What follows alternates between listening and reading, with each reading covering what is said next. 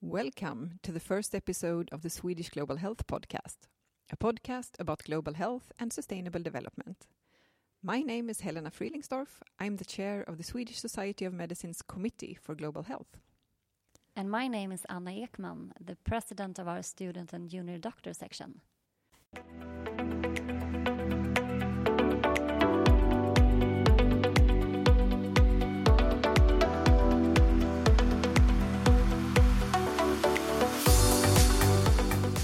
So, Anna, what is global health? There is still some debate going on on how to define the discipline, but uh, according to one of the most acknowledged definitions, it's an area of study, research, and practice, and it places a priority on improving health and achieving equity in health for all people worldwide. Is there anything you would like to add? Well, maybe that it's a synthesis between population based prevention and individual level clinical care. That's true. And today we have the opportunity to interview two of the most inspiring pioneers in the field. First, we will set the stage by talking to Sir Michael Marmot, who has done substantial work in the public health field, mainly focusing on health inequalities. He was even knighted by Queen Elizabeth II for his services to epidemiology and the understanding of health inequalities. So he's a bit like Elvis for public health. and then in the in the second episode, we will be joined by Right Honourable Helen Clark, former Prime Minister of New Zealand, and also the first woman to take on the role as administrator of the United Nations Development Programme. Wow, what a role model for women and men. Yeah. Okay, so let's get started and see what Sir Michael Marmot has to say about the current state of global health. Let's.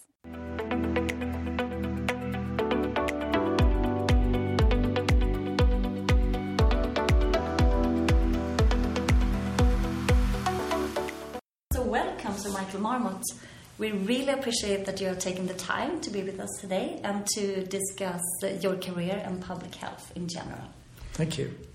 So, you have led research on health inequities and the social determinants of health for over 40 years.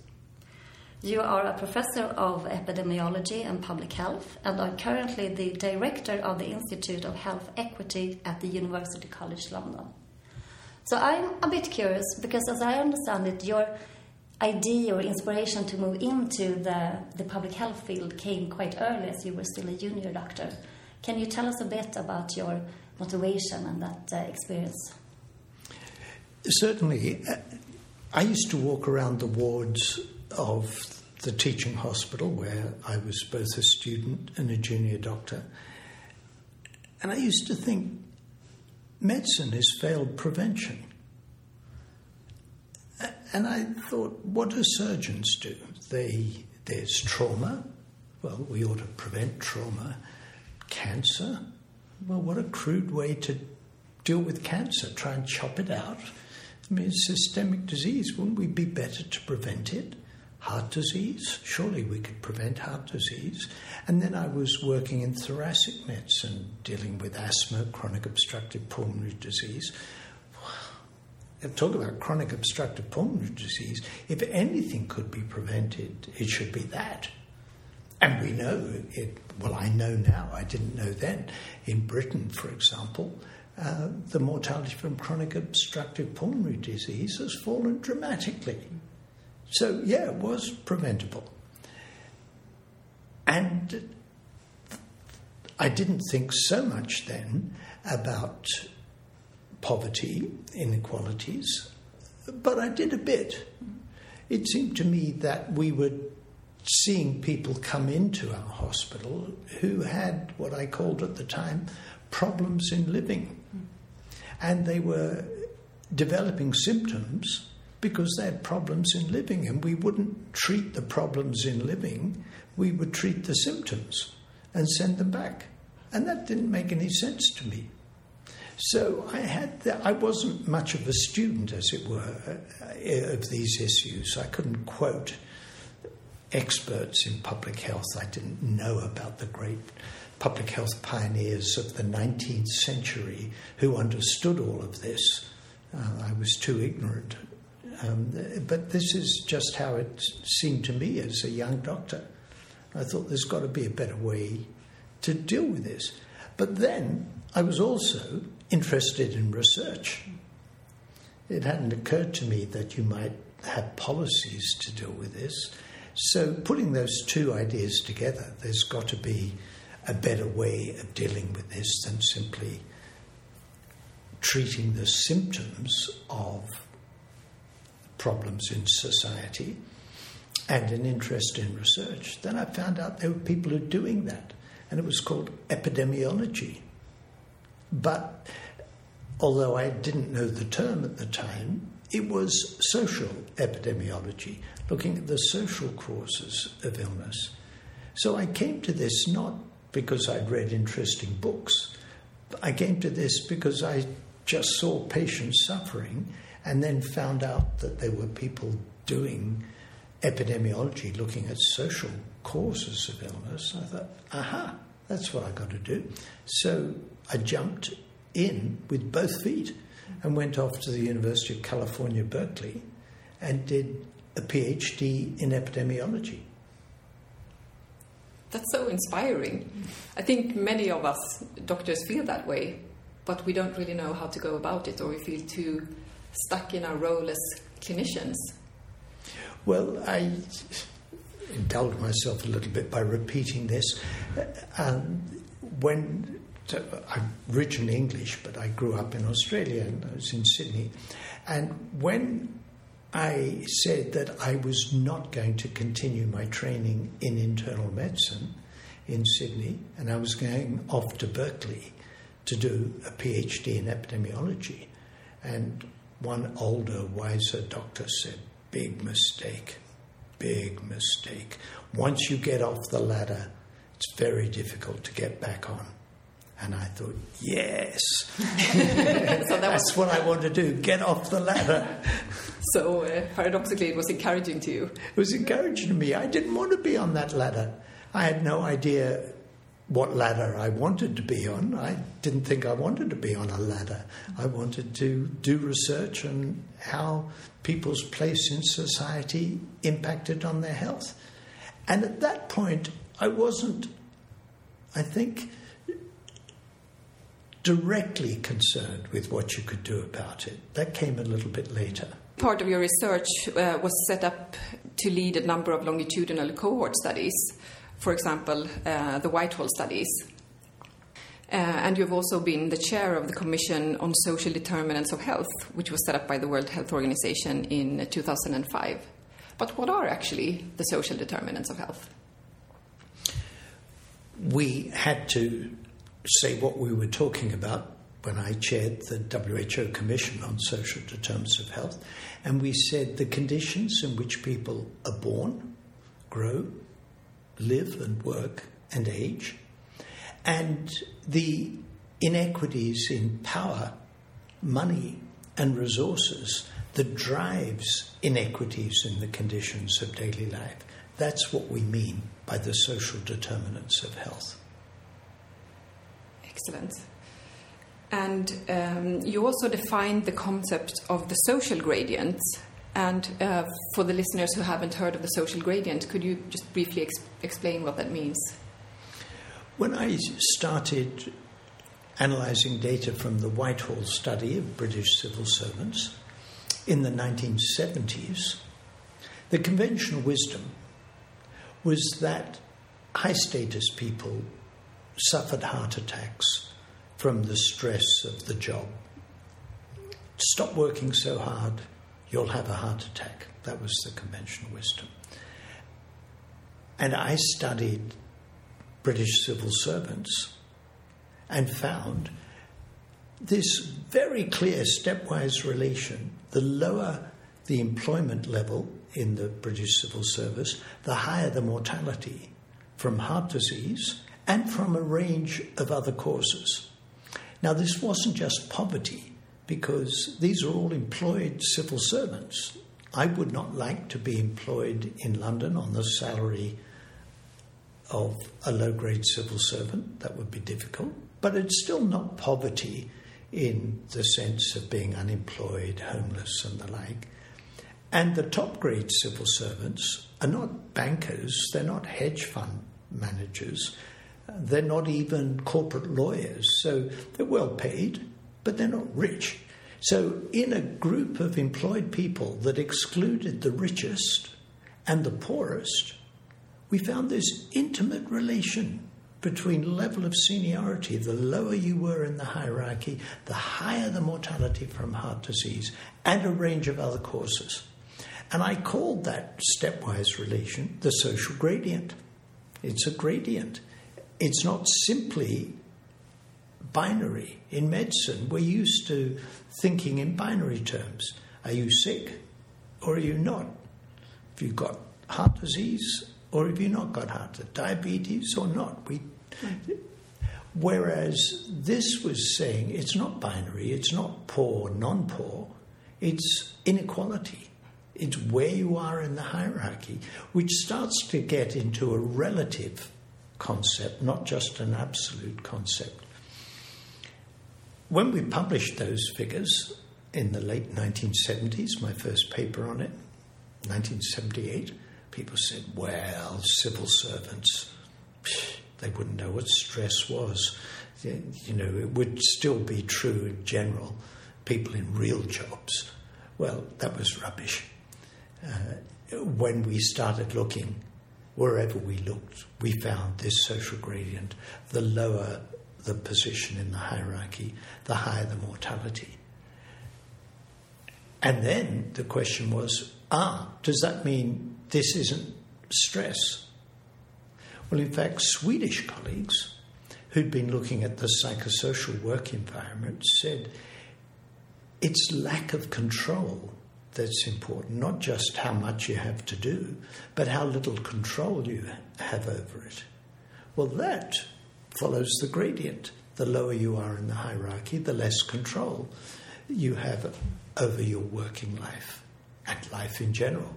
So it in no way contradicted a stress hypothesis. Some of the conventional explanations were important, so we find, as you do in Sweden, and as we find now in India and other countries, the lower you are in the hierarchy, the more likely you are to smoke as we do in many countries, certainly middle income countries, the lower you are in the hierarchy, the more likely you are to be overweight and obese.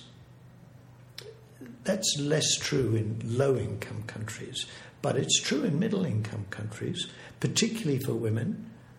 Fewer years of education is associated with higher levels of obesity, and it's a gradient. And we see that fairly universally from in middle and high income countries. So they do play a role, but it wasn't all smoking and obesity, lack of physical activity. There's something else going on as well. And I think stress pathways were important. And this research it started in high income uh, countries, and you've also been able to reproduce it in middle income countries. Then you talked a bit about low income countries. Would you say that you can see it on all income settings? One of the problems is the lack of data. So, where we have data from middle income countries of some measure of socioeconomic position, so for example, colleagues in Porto Alegre in the southern part of Brazil classified people's area of residence by some measure of socioeconomic level and found this very clear gradient. Not just if you live in a favela, you're at higher mortality, so not just the poor homeless people, but a very clear gradient. The lower the socioeconomic level of the district of residence, the higher the mortality from cardiovascular disease. Very clear gradient. Now, they don't have it readily available in national data from Brazil. So it had to be a special study. Where we do have data more readily available is in infant and child health from demographic and health surveys. And there, in low income countries, we find a gradient. It's not just that poor people have higher infant mortality rates and higher under five mortality rates, but it's graded. If you classify people by quintiles, 20% of income, very clear in Uganda, in India, in Peru, in countries from all around the world, and I've just cited Africa, South Asia, Latin America, you find the higher the quintile, the lower the under five mortality rate. Now, in that case, you could say, could that be due to absolute deprivation? Yeah, could. I mean, people in the top quintile, there are fewer people with absolute deprivation. I don't think it would account for all of the difference between the top quintile and the second top quintile. Because in Peru, most people in the second top quintile are housed and have access to clean water. Uh, so it's and have adequate nutrition. It's not like being in the bottom 20%. And yet, being in the second top, it's still higher mortality in infants and children under five. So we see these gradients everywhere. Where we have data for non communicable disease and adult health, we see the gradients. But as I said before, those data are less readily available. Well, that's very interesting. So you see the same patterns no matter uh, what income level the country is on.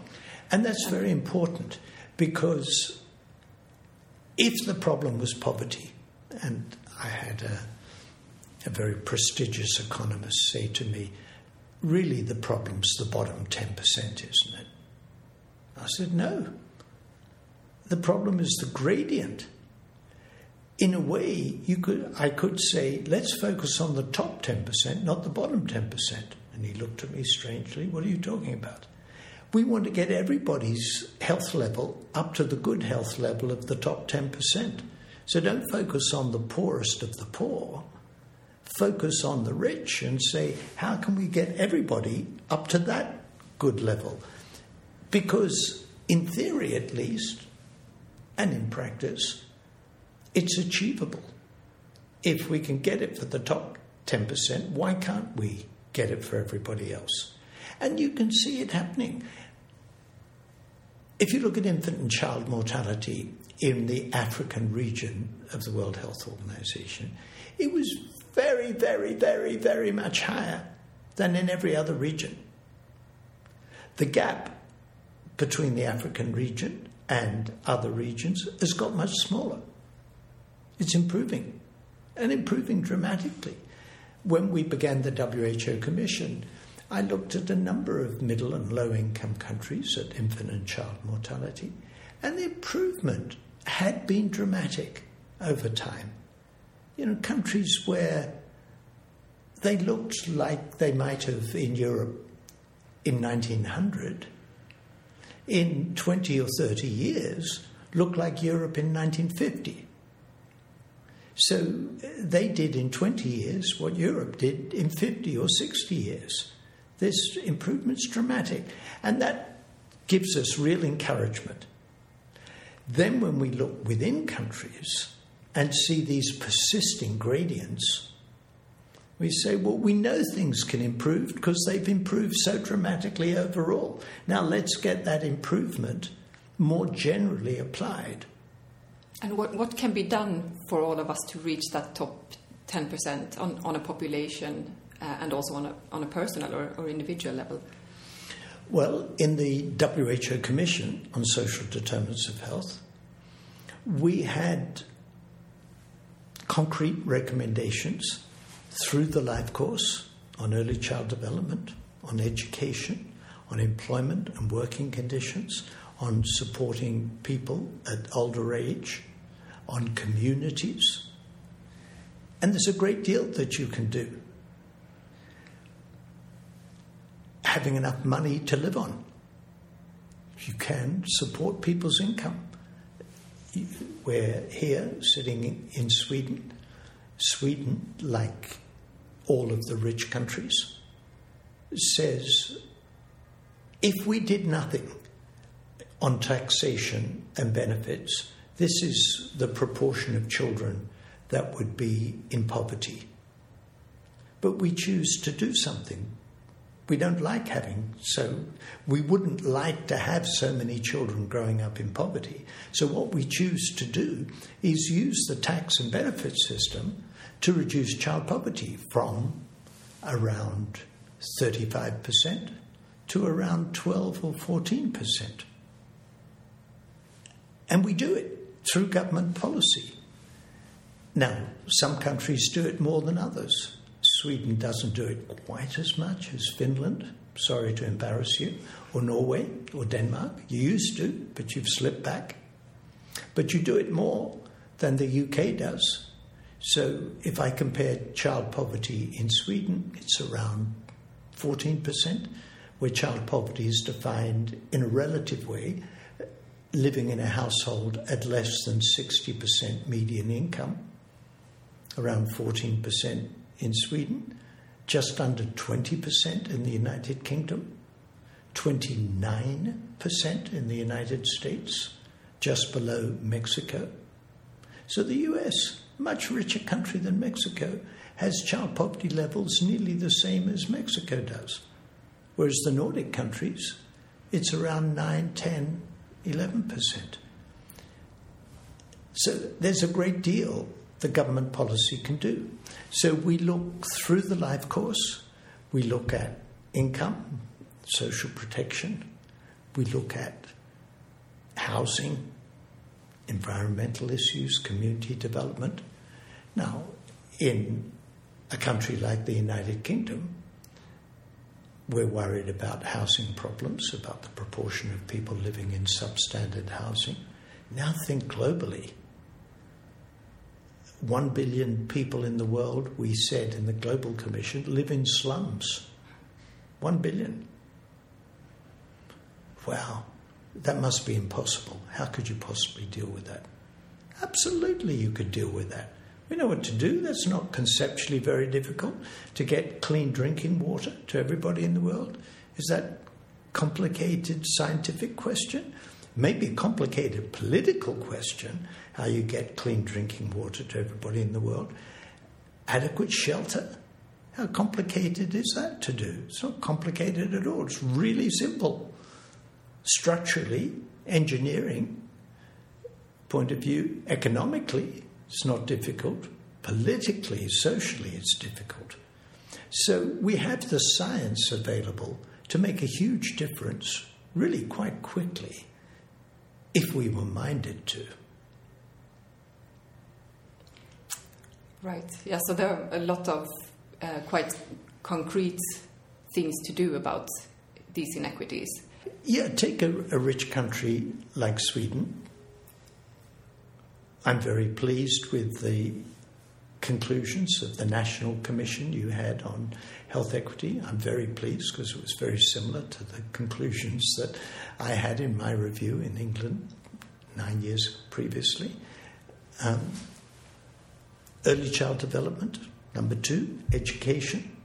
Number three, employment and working conditions. Four, having enough money to live on having just at least the minimum necessary for a healthy life. Number five, healthy and sustainable places. Number six, taking a social determinants approach to prevention. And then th- that, those were my six, and the Swedish Commission said number seven, people having control over their lives. Well, yes, that ran right through my report. And number eight, equitable access to high quality healthcare of course. Now, I would say that those eight apply globally. So, when you talk about these actions that actually can be done in these questions, do you meet any resistance? And what's the sort of most common arguments against acting on the evidence? Maybe I only talk to people who are sympathetic, um, but I rarely meet someone who says, You've got the analysis wrong. Sometimes I do. There are some Chicago type economists who say, No, no, none of this social stuff matters for health. Um, I get sometimes people who are a bit threatened who I'm sitting here in the Swedish Associate, no, Society of Medicine. That's right. the Swedish Society of Medicine, which yeah. presumably is mainly doctors, and sometimes the doctors are a bit threatened. Are you saying that what I do isn't relevant? What I do is treat patients. Um, are you saying that I'm irrelevant? And my answer is, of course, I'm not saying that. Uh, when people get sick, they need treatment. And what doctors do is treat patients. This is sacred work. This is uh, humanitarian duty. But the opening line of my book, The Health Gap, was why treat people and send them back to the conditions that made them sick? So we need to deal with the conditions that make people sick. Well, most of the medical profession is, in a way, too busy treating people to deal with the conditions that made them sick. So there's a bit of pushback from the economists, a bit of pushback, well, not so much pushback, but we're busy from some of the doctors, some of the medical profession. And then, of course, the politicians. There's, it's not so much we don't believe you, but isn't health a matter of personal responsibility? Isn't it up to people to make their healthy choices? Um, we don't want the nanny state telling people what to do. They somehow think that if you're talking about social action, you mean the nanny state telling you you've got to wear seatbelts when you're in the car and, and you've got to use fluoride toothpaste or, or something. No, we're talking about government action to reduce poverty Poverty is not an individual choice. People don't choose to have their children grow up in poverty. So we're talking about social action to deal with the social determinants of health. But I do get a bit of pushback from politicians who say it's just a matter of individual choice. So, in conclusion, it's nice to see that uh, reducing poverty is on the top of the international agenda but it would it would be it would be yeah but it would be nice if if we would see more action and that we would have of course globally but also in countries like Sweden 0% rather than 12 14% well but, I do think globally the sustainable development goals give us an opportunity to right, get and the guidance action. on how to prioritize. Yes. But I also wanted to um, mention another of the Sustainable Development Goal, goal number 10, which is reduced inequalities within and among countries. And when we're speaking of health inequity or inequality, could you comment anything about the global trends? Has health inequity decreased or increased during the past 10 to 20 years? Well, firstly, when we talk about uh, inequalities within and between countries, you know that Oxfam every year produces a headline figure. A few years ago, I think three years ago, they said 62 billionaires had the same wealth as the bottom half of the global population 62. If I remember rightly, this year's report, it was 26 billionaires have the same wealth as 3.8 billion people, the bottom half of the global distribution. And if you say we can't afford clean water, there's a lot of money in very small number of hands. So that's, that's a challenge. Now, when we look globally, with some measures, the inequalities between countries in health have been getting smaller. A few moments ago, I talked about the African region and infant and child mortality, the disadvantage of being born in the African region. Varies among countries, but in the African region of WHO, the disadvantage in terms of surviving the first five years of life has got less compared with other countries. The gap's got smaller. And that's very encouraging. I'm just completing a commission for the Pan American Health Organization on equity and health inequalities in the Americas. And what we see is countries like Chile, Costa Rica, Cuba, the gap between those countries and, say, the United States uh, has not just reduced dramatically, now longer life expectancy in Costa Rica than in the United States. So if I look at the 1950s and compare it with the new century, um, the gap between countries has got much smaller. When we look within countries, the picture's not so rosy. Let's take egalitarian Sweden. Classify people by years of education. The inequalities have been getting bigger, not dramatically bigger, but bigger.